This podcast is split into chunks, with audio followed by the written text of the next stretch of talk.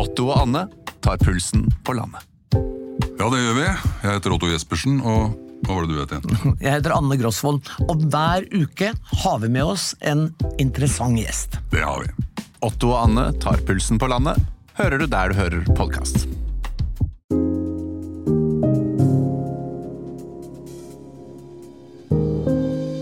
Fredrik og Kadafi, en podkast fra TV 2. Skal vi starte? Kadafi er glad i sjokolade. Vi kommer tilbake til det. Og vi kommer tilbake til Siv Jensen, som har skrudd på sjekkeradaren for sommeren. Men uh, Kadafi, hva er det du har holdt på med siste uka? Vet du hva, jeg har vært mye sammen med bikkja mi, Rambo. Eh, Eh, nå må jeg bare si en ting, fordi det høres ut som en litt farlig hund. nei, det er en dvergpinsjer. Ja, når jeg så de første bildene, så tenkte jeg at det var en dobermann-pinsjer. liksom sånn. Men den ble jo aldri større enn en veskehund. Nei, nei, nei, den er litt større enn væske, men den er så snill og så søt. Og så har jeg hatt litt dårlig Litt som samvittighet. eieren, altså. ja. Nei, jeg har hatt dårlig samvittighet fordi det har blitt så mye jobbing eh, siste halvåret. Så eh, jeg prøver nå å få til mer tid til Rambo. Og så har jeg mekka på et utekjøkken ute i hagen. Med gassgrill, vanlig grill, pizzaovn. Ja, eh, diverse. Så der ute står du og koker, da.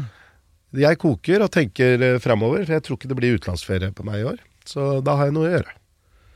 Så teknisk ansvarlig Mikael Skorbakk her og jeg, vi kommer til å bli invitert vi snart da på Garantert. Garantert. litt sånn eksotisk mat, eller? Ordentlig pakistanske retter. Ja. Ja, ja. Mye krydder? Ja, det tåler du. Ja, jeg tåler det. Få se hva Mikael tåler. tåler. Mi- Mikael, tåler du? Tåler det meste. og du, da? Nei, jeg, jeg er jo bare sitter hjemme og følger med på nyhetene, vet du. Jeg gjør jo ikke noe spennende. Jeg lever et utrolig kjedelig liv. Eh, Jeg trodde du skulle dekke dette litt sånn møtet mellom Taliban, som plutselig er i Norge. ja, det er et møte mellom representanter for Taliban-regjeringa, men ikke representanter for den politiske ledelsen. Men det er Taliban-folk som er her for å snakke med eh, afghanske grupper. Og så får jo eh, da regjeringen så hatten passer, fordi de eh, det er Utenriksdepartementet som står bak denne invitasjonen på Losby gods utenfor Oslo. Eh, De hadde jo en tilsvarende situasjon for halvannet år siden, hvor eh, regjeringsmedlem fra Taliban kom til Norge.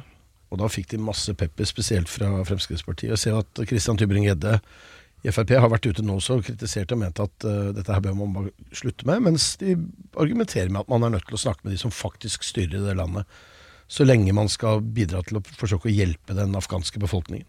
Men det har jo ikke gått så bra, da, med de der nede, holdt jeg på å si. Spesielt eh, kvinner og jenter Nei, og arbeid og skole og Er ikke dette en sånn belønning å invitere dem? Det kan godt tenkes at noen av de syns det er belønning å bli litt anerkjent, eh, men eh, det er jo ikke sånn at penger blir sendt til Taliban. Det er jo til hjelpeorganisasjoner som, som kontrolleres av andre.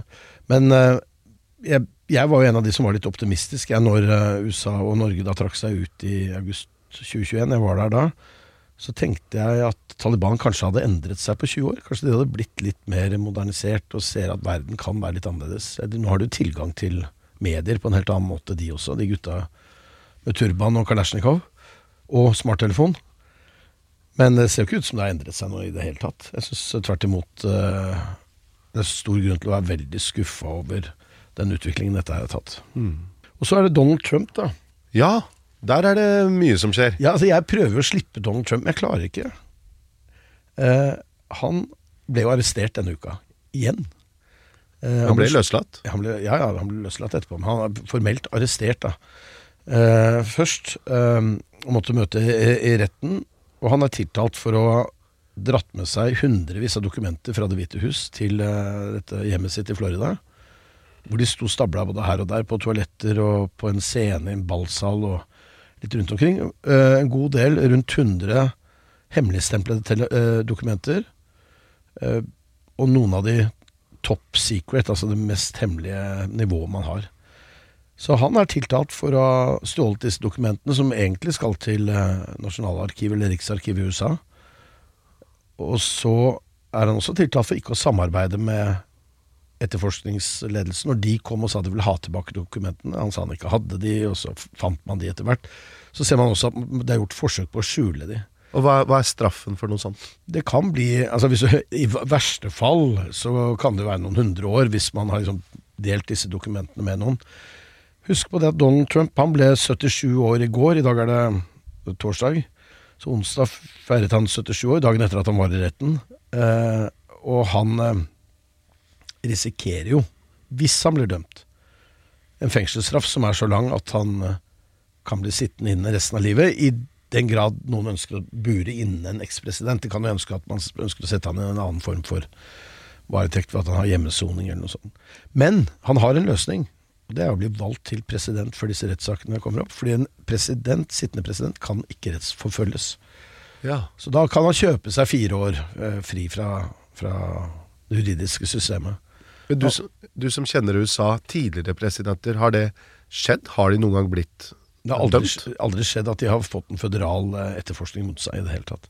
Så dette er uh, første gang, men Donald Trump har, har jo satt noen førstegangsstandarder her. Han er jo blant annet den eneste presidenten som er uh, Han er en av tre presidenter som har, har blitt stilt for riksrett, og den eneste som har blitt stilt for riksrett to ganger. Kadafi, du har fått med deg dette bråket rundt uh, Freia og Mondelis. Ja, boikotten. Uh, Mondelis har jo uh, Heter det Mondelis? Ja, vet du hva. Jeg har, det er et amerikansk selskap. Jeg hører at det blir uttalt på mange forskjellige måter i medier. Men nå har jeg sjekka. Jeg har gått til kilden til dette amerikanske selskapet utenfor Chicago. Og de kaller det Mondelis. Ok. Ja. Og de eier Freia. De eier Freia, blant annet. Og så eier de også noe greier i Russland. Og det er jo de eierinteressene veldig mange vil at de skal gi, si fra seg, slik at uh, de ikke bidrar til at russerne får penger til å drive krig i, i Ukraina. Men du, for et par episoder siden så, så sa du at du var veldig glad i Freia En annen Freia-sjokolade. Hva Du var litt utydelig. Nei, jeg husker ikke hva den het. Jeg, jeg spiser jo ikke sjokolade. Nei, vet du hva, jeg har vært glad i sjokolade hele mitt liv. Ja, De siste åra, siste ti åra, så har jeg elska fruktnøtt. ja. Og de svære liksom platene. Men nå eh, har jeg kutta det ut, da, for jeg prøver å gå ned. Ja. Så det er ikke boikott. Det er ikke noen politiske greier eh, for min del. Nei. Det er helse. Det er bare det falt sammen med eh, at det var eh, mange Ja. som ville boikotte. Ja, sjokolade er jo usunt. Det har jeg endelig skjønt. da. Ja, velkommen, eh, leder for næringspolitisk avdeling eh, i LO, Kenneth eh, Sandmo. LO vil at Mondelis eh, skal trekke seg ut av Russland. Hvorfor det? Jo, eh, dette kommer jo fram i den saken som har versert i media den siste tida knytta til, eh, til Freia, hvor jeg uttalte både til, eh, til flere medier at eh, det aller beste hadde jo vært eh, om Mondelis eh, trakk seg ut. Eh, og det har vi jo også for så vidt ment tidligere, at, eh, at eh, selskapet som opererer i Russland bør, bør trekke seg ut, slik at vi liksom kan ramme økonomien til, til Russland, som de finansierer en grufull krig i Ukraina med. Og så er det mange dilemmaer knyttet til det, men det er noe Men vi ser jo at det er flere andre selskaper som har valgt å trekke seg ut, selv om de taper penger. Ja, da, vi, har, vi har norske selskaper som har, eh, har, eh, har diskutert dette her. Det er klart De, har et, eh, de føler at de har et ansvar for de ansatte. De føler at det er en forpliktelse de har, så det er, det er, det er vanskelige eh, dilemmaer. Så tror jeg nok at det økonomiske tapet er noe for så vidt kanskje den ja, For noen er det også et stort, et stort tap, men, men det ser vi jo mange selskaper som har gjort. Tatt det tapet og tatt en beslutning om å trekke seg ut, som jeg mener er riktig. I hvilken grad er- er dere bekymra for at den boikott-trenden vi ser nå, vil gå ut over eh, norske arbeidsplasser? Jo, vi er litt bekymra for det. Eh, vi hadde noen lignende eh, situasjoner i mars i fjor, hvor det var noen bedrifter som ikke ville sende varer med norske skip som hadde russiske ansatte om bord osv., som egentlig bare ramma andre bedrifter lenger nord, som ikke fikk levert varene sine, måtte permittere og, og, og noen måtte si opp. Så det som i utgangspunktet var godt ment, da, fikk en veldig uheldig konsekvens. Eh, så, og det er jo faren ved sånne type initiativ. Så syns jeg det har vært viktig og riktig av myndighetene å holde fast ved at vi trenger å ha felles regler for Det er denne koalisjonen av land i Europa nå som har innført eh, ti sanksjonspakker. Den ellevte er på vei.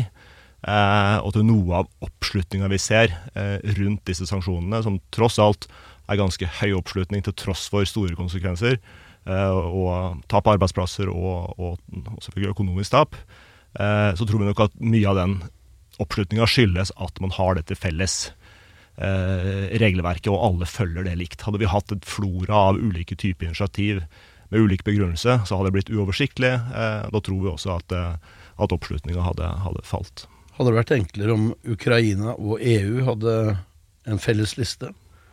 Ja, eh, det er jo det vi har sagt. at Vi har jo gjerne ønska det. At Ukraina gikk i dialog med EU om å få til en fellesliste. Og, og, og eh, sånn at de kan eh, Sånn at det kan være en diskusjon rundt hvordan vi kan følge opp eh, de sanksjonene, eventuelt stramme inn. For Det som er kjernen her, er jo at eh, EU har unntatt eh, mat eh, fra sanksjonslistene. Eh, som gjør at bl.a. Eh, Mondelez og, og, og en del andre selskaper, Procter Gamble, som har masse kjente merkevarer som vi også har i norske hyller, eh, har fått, eh, fått lov til å fortsette sin, sin virksomhet. Dog med begrensninger. Det har jo stoppa alle kapitalinvesteringer og, og utviklingsprosjekter, investeringer og sånt, men, men, de, de driver nå eh, en virksomhet, tjener penger og betaler skatt til den russiske stat. Du er glad i norske arbeidsplasser, det sier seg selv.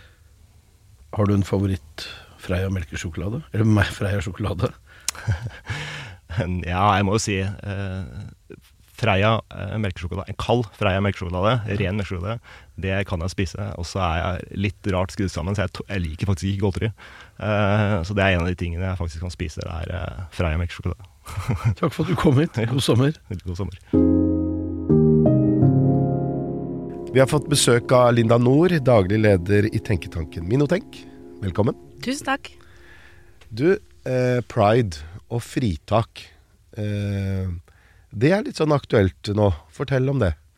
Det har nok vært aktuelt eh, en stund, men i år så har det jo nok blitt en, blitt en betydelig økning i foreldre som da ønsker at eh, barna eh, ikke skal lære om pride i pridemåneden, og ber da spesifikt om fritak fra alt som har med pride å gjøre. Så, det. så det er undervisning og ikke det å Altså markeringer og sånt? Ja, det er det som er veldig ulikt, og, og det som er interessant er jo at man lærer jo faktisk om seksualitets- og kjønnsmangfold gjennom hele året.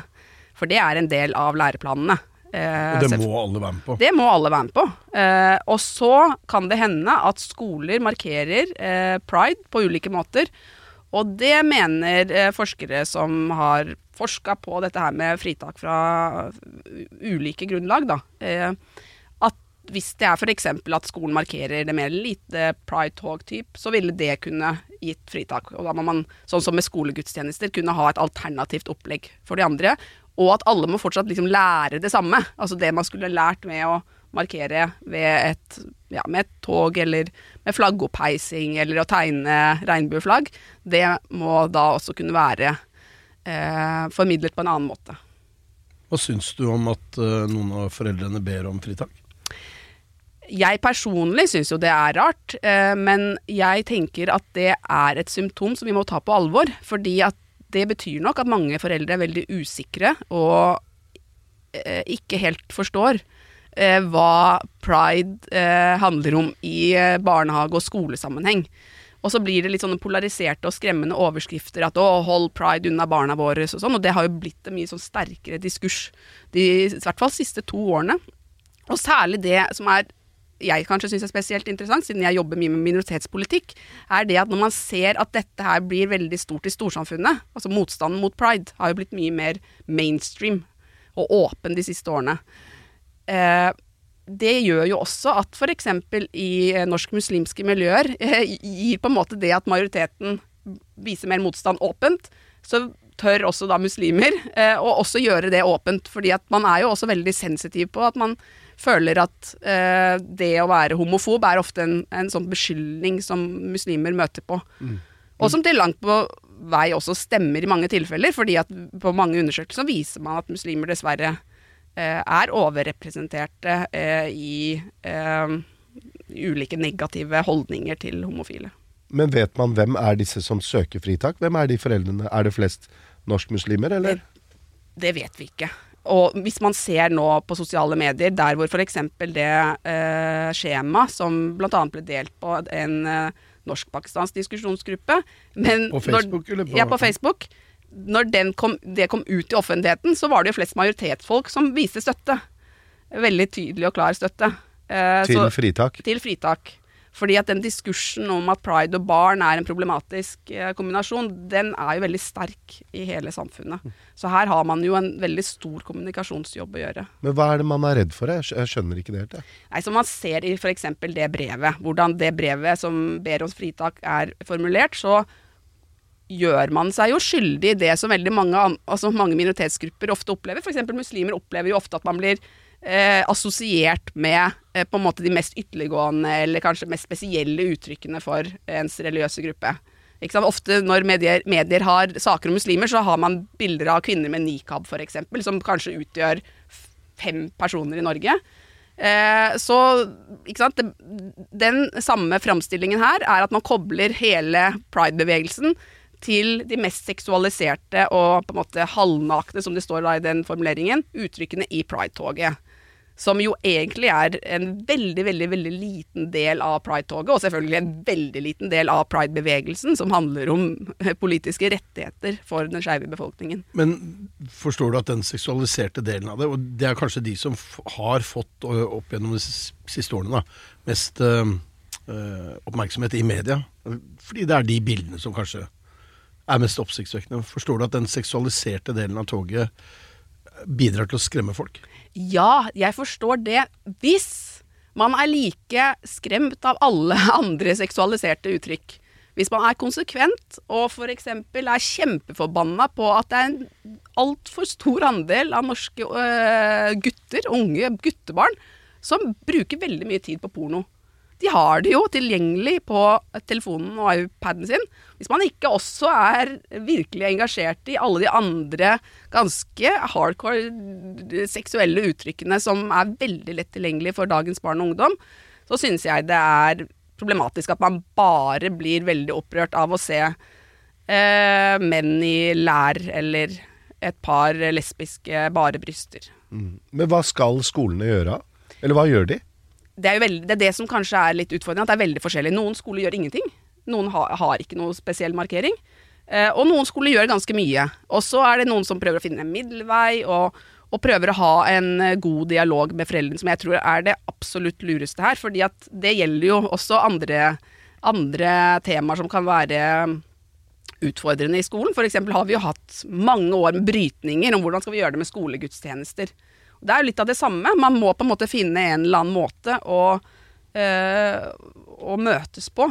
Og disse samtalene her, det er kanskje noe av det aller viktigste. At dette her handler faktisk om mennesker. Det handler om identiteten og sårbarhet til unge mennesker som vokser opp, og som kan Som er egentlig de som blir rammet av all den polariseringen eh, som Vi kan bare sitte her og diskutere det, men det er mange unge mennesker som vil bli livredde av at frontene blir så steile som det de nå blir i diskusjon rundt kjønns- og seksualitetsmangfold.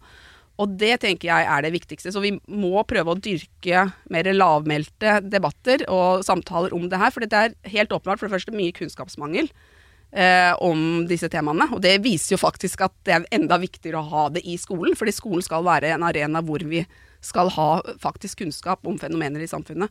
Men også at vi kan snakke om det her på en måte som ikke gjør at de det faktisk gjelder, føler seg fremmedgjort og enda mer utrygge enn de allerede gjør. Linda Nord, tusen takk for at du kom. Tusen takk for at jeg fikk komme. Straks får du møte Siv Jensen, som har eh, sjekkeradaren på. Kadafi, du skal på fotballkamp du på tirsdag. Yes. Kypros-Norge. Det blir bra. Hvem tror du vinner det? Jeg må jo si Norge, men eh, Jo, Norge. Ja. Jeg, jeg sier Da, blir, da er vi enige om at Norge vinner på tirsdag. Ja, inshallah. Vi har fått eh, Øyvind Alsaker inn i studio her òg. Hallo. Fotballkommentator i TV 2 i årevis. Årevis. Altfor lenge. Velkommen! Takk for det. Takk for det. Du, det er noen uh, spennende kamper som uh, står foran oss nå. Ja, Uh, skjebnekamp er jo et litt slitent uttrykk, men jeg tror vi må bruke det her fordi Skottland må slås, helt enkelt. Ja, For at vi skal kunne gå videre.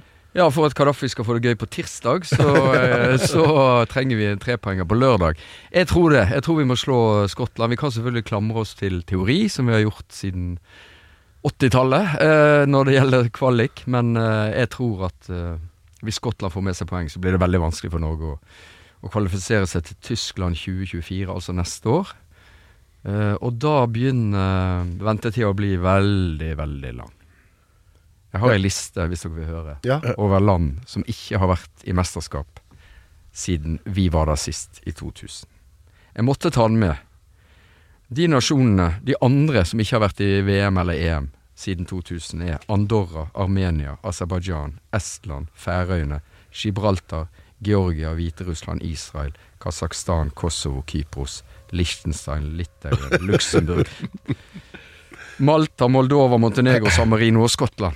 Men det, det, er, det, er sånn, det er sånn liste som Det høres ut som en sånn liste over de samme landene som får null i Ja, det Grand er, Prix, ikke sant? det er et ufattelig trist selskap. Skottland som var med her, det er fordi det er en gammel artikkel. For de har også klart å kvalifisere seg siden vi var inne sist. Nord-Makedonia.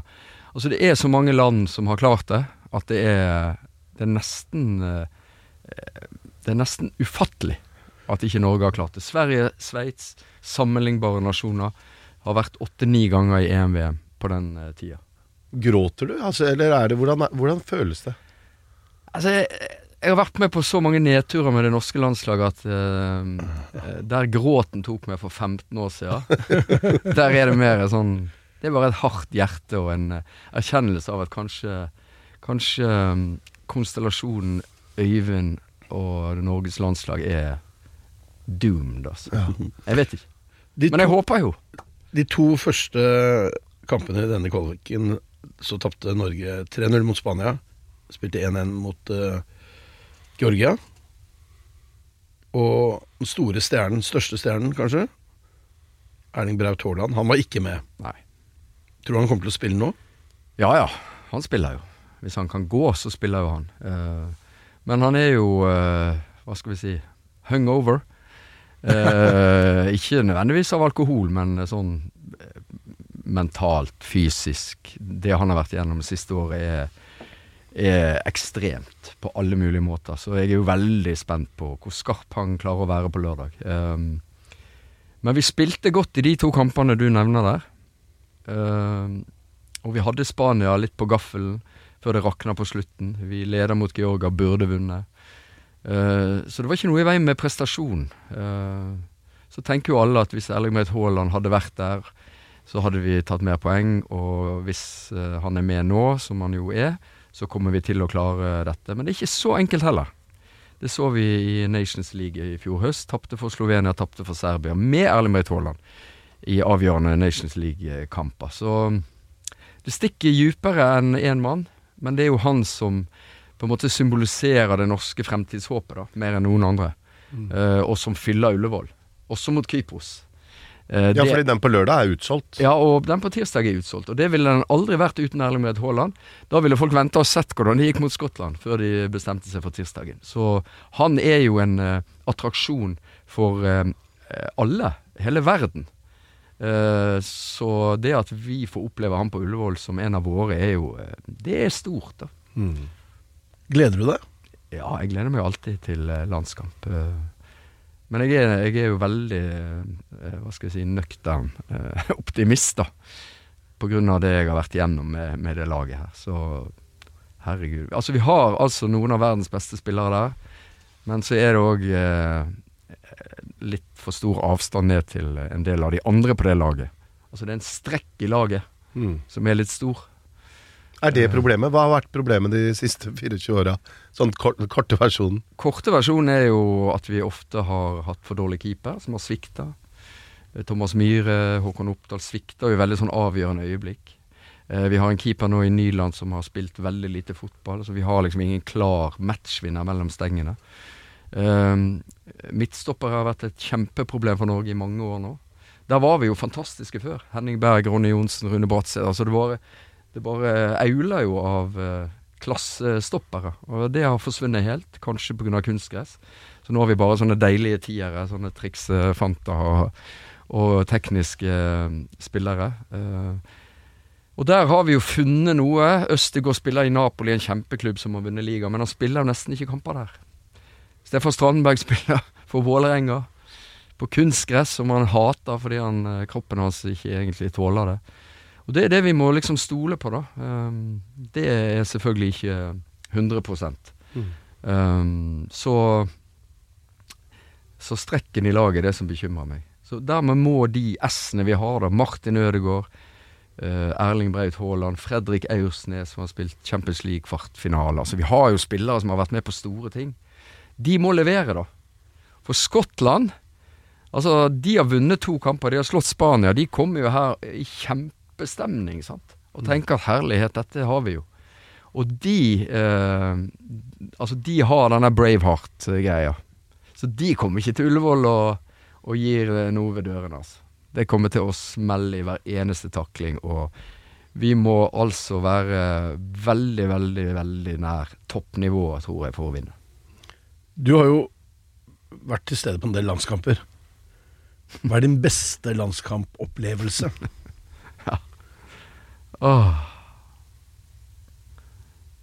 Er det ikke en du drømmer om om natten av og til? nei. Nei? Når vi, når vi slo Brasil, når var det? Ja, men da kommenterte jeg jo ikke, da. Nei. Og det var jo en eh, privatlandskamp. Eller i Marseille var det jo Arne Skeie. Stor øyeblikk. Er det jo det jeg drømmer om, da? Hvis jeg skal drømme om natta, så må det jo være et Marseille-øyeblikk, da. Ja. Mitt øyeblikk. Tyskland neste år. Norge i EM. Erling Braut Haaland. Martin Ødegaard, gjengen skal ut i EM-kamp. Så nei, jeg tror jeg velger å holde den inne uh, i påvente av uh, en ordentlig godbit. For det har jeg til gode å oppleve. Enkeltkamper, ja vel. Håpet tennes. Sluknes igjen. For eksempel for et år siden vi slo Sverige et par ganger der i Nations League og sånn. Det var jo stort, det var jo stas. Men så rota vi det vekk på slutten igjen, da. Og vant ikke den gruppa. Og, og liksom litt tilbake til start. Så Men håpet, som dere vet, er jo det siste som forlater mennesket. så her er det bare å stå på. Og så er det jo så deilig, da, eh, når det gjelder idrett, og i hvert fall når det gjelder nasjonal idrett, så kan eh, også vi journalister bare si yes, vi håper det går veien. Ja, ja, ja. ja her, det er jo det som gjør den jobben litt annerledes. da. At her, her kan jeg liksom kaste litt av den der objektiviteten og være litt uh, supporter. Krysser fingra. Takk for at du kom. Bare hyggelig. Siv Jensen, velkommen. Tusen takk. Hvor er Karma? Hun er hjemme. Aleine? Ja, men hun er jo blitt stor jente. Hun er to år. Hun klarer å være hjemme alene. Biter hun? Eh, bare slemme journalister. Ok, så Karma Bites er en greie som Ja, Men hun er ganske snill. Hva slags hund er det? Det er en finsk lapphund. Oi, jeg har en dvergpinsjer. Har du? Ja. Det er koselig med hund. To år Åh, herregud, det er nytt liv. Ja, Jeg gikk også tur i dag. ikke sant? Ja, ja. Det er det der man kommer seg ut uansett vær og vind. Jeg vet at det er mange turer jeg har gått de siste par årene som jeg aldri ville gått uten bikkje. Det er den der, ikke sant. Når det er så drittvær ute, da Men nå må man. Men hadde du hund når du var eh, finansminister? Nei. Jeg hadde jo ikke hund hele min tid som politiker, eh, for det hadde vært dyremishandling. Ja. Ikke sant. Når du jobber eh, Forklar. 18, ja, men du jobber jo hele tiden. 18 timer i døgnet på det verste. Eh, helt uforutsigbart. Plutselig må du et eller annet. Ditt datt, reise. Kan ikke ha hund, da. En liten sånn veskehund på kontoret. jeg skal ikke ha noe veskehund heller. Det er ikke meg. Nei. Hun var en liten sånn uh, fyrig frøken. Hun er, eh, hun er kul, hun altså. ja, Er det Siv? Ja, hvem er, hvem er Siv? Um, nå er jeg jo blitt en uh, roligere dame enn jeg var før. Uh, men det var jo litt Det har vært min utfordring eh, i en tidlig fase av politikken at jeg var litt um, lettantennelig. Fyrig. litt lettantennelig. Men jeg ble jo roligere i morgen, da. Det, Men du var Altså, jeg, jeg måtte ringe noen uh, folk. Altså liksom, hvem er Siv? Ja. Fortell noen historier. Og så var det en som sa uh, Siv, når hun hadde PST-livvakter, når du var statsråd, så kunne hun komme ut på morgenen med brød til livvaktene. Er det sant?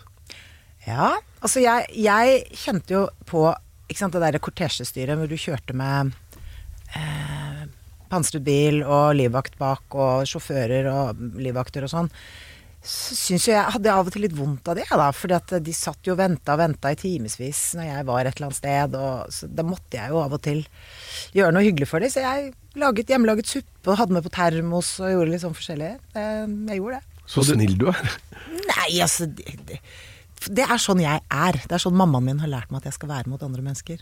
Og så hørte jeg at du er veldig glad i å lage mat, Ja. at du lagde masse mat, Ja, og tok med til kontoret ofte ja da. dagen etterpå. Ja, ja. Særlig til eh, de fantastiske damene som jobber på forværelset i Finansdepartementet. Vi tre hadde jo lunsj eh, sammen ofte. eh, etter restemiddagene mine. Er du flink på kjøkkenet? Ja, jeg tror det, men først og fremst så elsker jeg å lage mat. Det ble en sånn terapi, tror jeg, eh, for å tømme hodet litt fra mas og kjas. Og det bare å fylle benken med deilige råvarer, og så bare begynne å eksperimentere litt, er så fint. Og jeg elsker det fortsatt. Jeg syns det er stor stas å lage mat. Men den siden så man ikke Altså Når jeg tenker tilbake ikke sant? Når du, du var jo politiker i mange, mange år. Var det en sånn at du hadde en sånn beskyttelsesdrakt nesten? Hvor du på en måte ikke slapp folk innpå fordi du skulle være så tøff og Nei, men jeg, jeg tror det For meg så handlet det litt om å, skille mellom det private Siv og den offentlige Siv. Fordi jeg sto i det offentlige rom så mange timer i døgnet at når jeg først eh, kunne være privat og være bare meg, så hadde jeg behov for å beskytte det. Fordi sant, begynte du å slippe inn til sånn hjemme hos-intervjuer og se mitt hjem og Da hadde jeg jo til slutt ingen soner igjen som bare var mine. Så det var jo ikke dette det var, Jeg var jo ikke så mystisk, og det var ikke så hemmelighetsfullt og sånn. Det var egentlig ganske kjedelig. Men det var det å få lov å være kjedelig aleine. Hva gjør du nå? Nå driver jeg mitt eget lille firma, hvor jeg er ingen ansatte. Um, Bare Siv? Bare Siv. Jeg er ikke ansatt der heller. Men eh, jeg eh, holder foredrag, jeg eh, sitter i litt styrer. Jeg er litt rådgiver for bedrifter som trenger hjelp til å forstå politikk, f.eks. Um, så investerer jeg litt, og jeg gjør litt sånn gøye ting. Savner du politikken? Nei. Nei? Nei. Savner du Eller har du noen gang lyst til å Jeg vet jo at Carl I. Hagen var litt uh, Han, han forfulgte deg. La meg si det på en måte, da. Jeg savner ikke meg selv. Nei. Nei. Men det er et eller annet med at eh, Du har ikke lyst til å fortelle Sylvi Listhaug hvordan hun skal eh, drive Fremskrittspartiet jeg har, jeg har sagt til Sylvi at hvis hun vil høre hva jeg mener om noe, så må hun, får hun ringe. Men å drive og henge i leggen på henne og mase og si 'nå må du gjøre sånn' og Det vet jeg erfaring ikke er så innmari behagelig når du har lederansvaret. Så Ja, av noe- erfaring. Av erfaring. Men Så- har hun ringt? Ja. Jeg snakker med Sylvi. Nei, altså sånn spurt om råd? Ja, altså jeg snakker jo med Sylvi av og til, men jeg skal ikke si at det går inflasjon i det. Men så har jeg jo kontakt med politikerne, så jeg driver jo litt lobbyisme. Ikke sant? Jeg um, bygger jo også opp en um, organisasjon som heter Flyte, som skal samle alle de ressursene, frivillige ressursene i Norge som jobber med drukningsforebygging. Og det er veldig meningsfylt, da. Det er jo nå nesten like mange som drukner som omkommer i trafikken. Og tenk hva vi har satt på av ressurser for å redusere trafikkdødelighet. Vi har Trygg Trafikk, det er mye ressurser som går inn til dette. Men det er ingenting som går til drukningsforebygging. Annet, altså, men det er mange som gjør mye. Redningsselskapet, Livredningsselskapet. Det er mange aktører der ute. Men likevel så ser den statistikken egentlig bare verre og verre ut. Så nå samler vi alle de ressursene. Eh, og da trenger vi jo ehm, å samspillet med eh, storting og regjering. For vi trenger en nullvisjon for drukning, som vi har for eh, trafikkdrepte og sånn. Så jeg driver jo og banker på dører til statsråder og storting, og det er veldig gøy, altså. Du, misunner du han eh, som eh, tok over eh, Finansdepartementet? Ja, hvem av de da? Ja, Det er jo- Vedum. Ja. Nei, vet du hva, jeg skal være helt ærlig, så tror jeg at regjeringen har det ganske stritt. Det er jo ikke bare enkelt å håndtere alt det som skjer nå på hverandre. Mye uforutsigbarhet. Men det er jo en del ting de gjør, og som jeg tenker at det der burde dere jo ikke ha gjort. Det er ikke veldig smart. Fordi de skaper de skaper uro, uforutsigbarhet for et næringsliv som trenger forutsigbarhet, stabile rammebetingelser. Nå er det hopp og sprett og tjo og hei. Eh, Jeg skjønner at det er vanskelig, men man må kommunisere tydeligere og bedre enn det de gjør. Men med strømprisene, strømkrisa, så er det litt deilig å slippe å sitte og ansvar for at folk får dårligere råd, er det ikke det? Jo, men enten det er strømkrise eller krig i Ukraina, eller det er eh, flyktningstrømmer som jeg satt og håndterte, eller det er eh, oljeprisfall som også skjedde på min vakt. Det skjer alltid noe for den til enhver tid sittende regjering. Eh, min beslutning om å gi meg eh, var jo en eh, gjennomtenkt eh, beslutning som jeg ikke har Jeg har ikke angret ett øyeblikk på det. Og jeg, jeg har ingen planer om å gå tilbake til politikken. Så du sier at du har forlatt politikken, men jeg hører jo nå at du, du, du savner det litt allikevel. Nei, men jeg er jo en menig velger, som dere.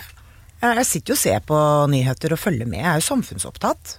Men jeg er jo, vil jo ikke inn i politikken igjen. Jeg må jo få lov å ha meninger, sånn som dere sikkert har når dere sitter og ser på nyhetene, eller lager nyheter for den saks skyld. Men, Vi er eh, journalister, vi mener ingenting. Nei, det er klart det. Men, men jeg skal også si at eh, jeg benker meg av og til for å se en debatt på TV. Yes, altså. Det er kanskje litt flaut å si, men jeg sovnet fra forrige partilederdebatt. Kommer du til å se på, apropos det, det er jo en ny serie på gang med Per Sandberg. Er det det? Det Ja. har ikke jeg fått med meg. Jeg ser det. Reality med Per Sandberg og Bahare. Jeg tror det skal hete Grand Hotell eller noe, et eller annet sånt. Å, ja, nei. Dette er nytt for meg òg. Ja. Jeg hørte det. Jeg har ikke fått med meg det. Men uh, Lyst til å være med der? nei. Fordi Nei, men jeg har jo, tror jeg, fått tilbud om å være med i omtrent alt som er av sånne realityserier siden jeg sluttet med politikk. Og jeg har, takket, jeg har vært med på én eneste en, og det var med bikkja mi. Og det gjorde jeg utelukkende fordi jeg så et eh, eh, Jeg så at vi kunne komme godt ut av det. Altså at hun ville lære noe av det og ha gøy. Så derfor gjorde jeg det. Men hvorfor skal jeg drive og delta på Jeg har jo Farmen kjendis. Nei, jeg har jo, jeg har jo jeg har ikke behov for mer lampelys. Jeg har liksom stått der lenge. Trenger ikke mer av det. Nå er jeg riktignok her, da, men eh, det var fordi dere spurte så pent. Ja. Men du har vært med på Fire stjerners middag, veit jeg. Ja, men det var mens jeg var Ja, det var politiker. mens du var politiker. Men, men eh, du, du nevnte Per Sandberg. Han er en person du samarbeider godt med, og så skar det seg litt etter hvert. Man blir litt lei hverandre hvis man jobber lenge sammen, tror du ikke det? Nei, det Sånn som. Kadafi og meg. Ja, men dere ser ikke ut som dere er lei hverandre i det hele tatt. Litt sånn som eh, Ja, og, og Eli Hagen samarbeida du vel også litt godt med? Ja, men jeg samarbeidet med veldig mange. Eh, men så er det jo av og til så skjer det jo ting som, som gjør at man kanskje ikke har like tette bånd eh, når man har forlatt årsaken til at man jobbet sammen. Ikke sant? Så jeg trenger jo ikke å gå og drikke øl med Per Sandberg. Men savner du det? Altså det vennskapet Det skjedde jo sikkert mye der, og Nei, altså jeg har jo fortsatt mange nære venner fra tiden min i politikken som jeg har lyst til å gjøre noe sammen med på fritiden min. Um, men det er jo veldig mye jeg ikke savner, da. Ikke sant? Det, det er jo veldig mange arenaer når du er politiker som du må være på.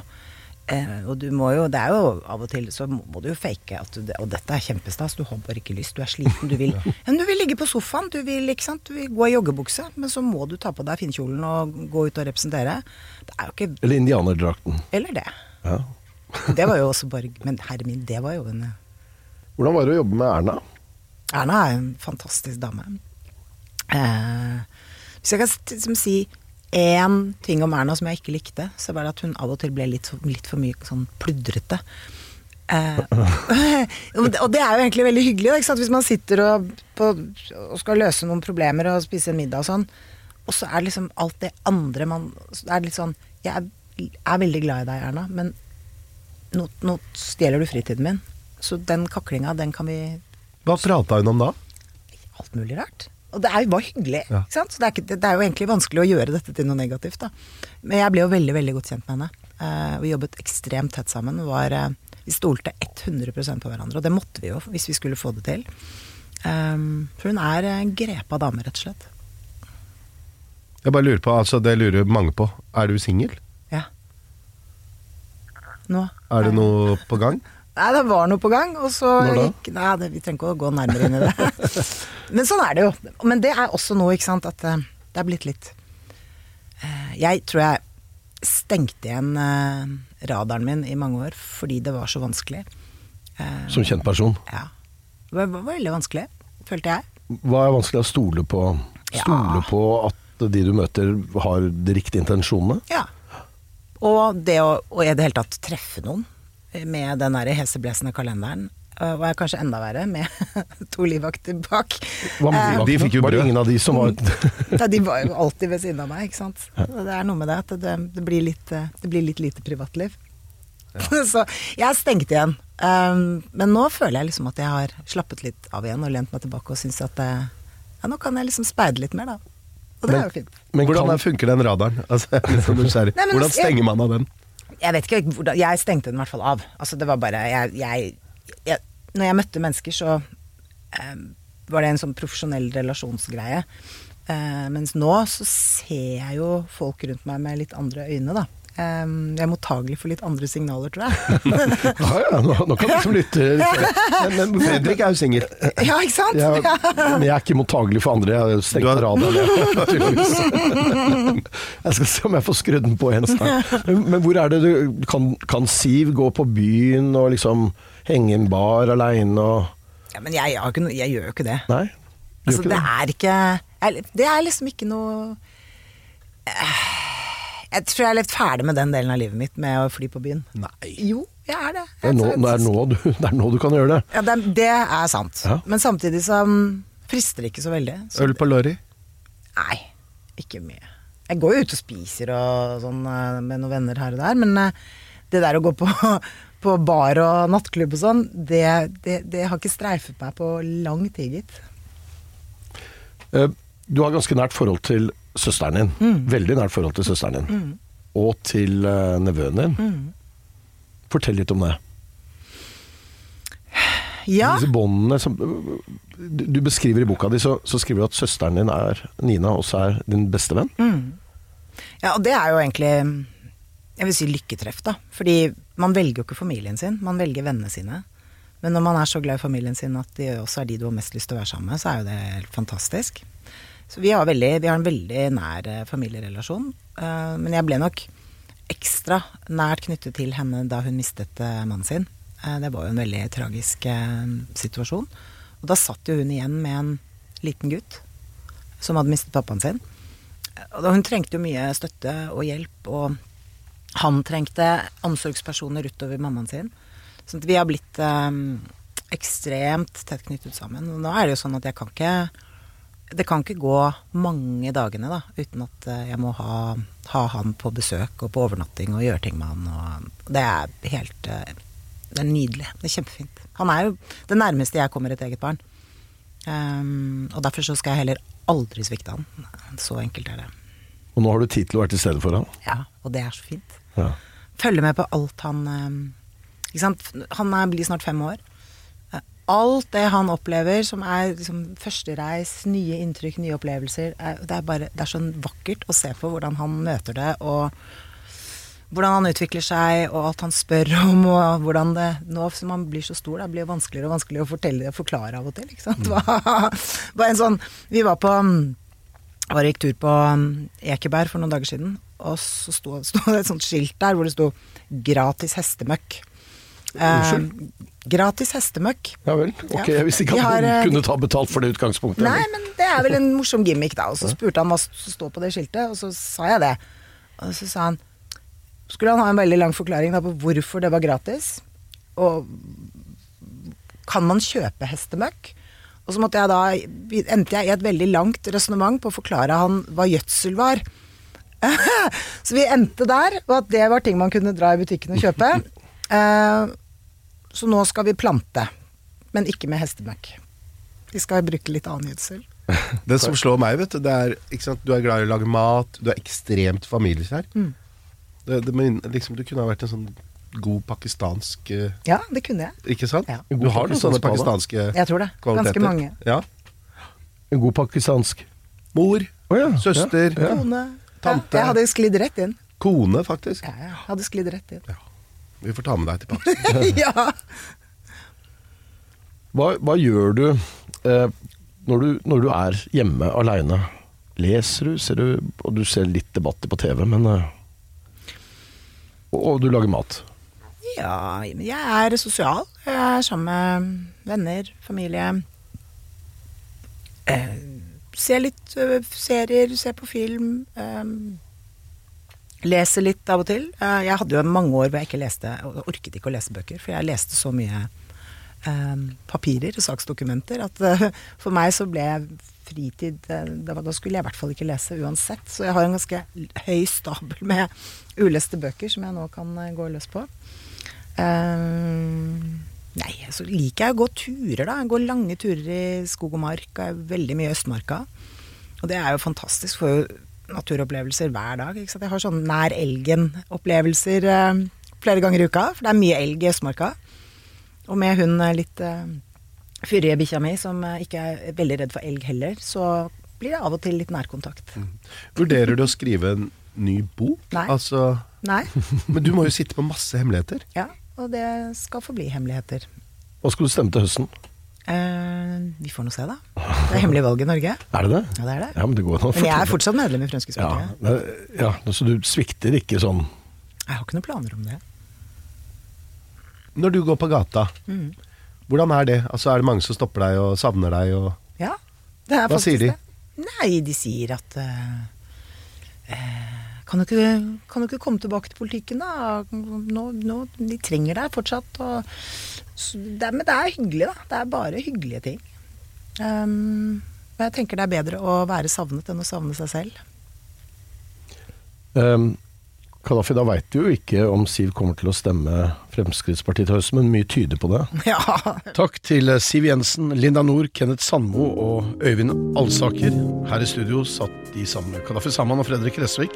Teknisk ansvarlig Mikael Skorbakk. Produsent Maja Gjertum. Redaktør Karianne Solbrekke.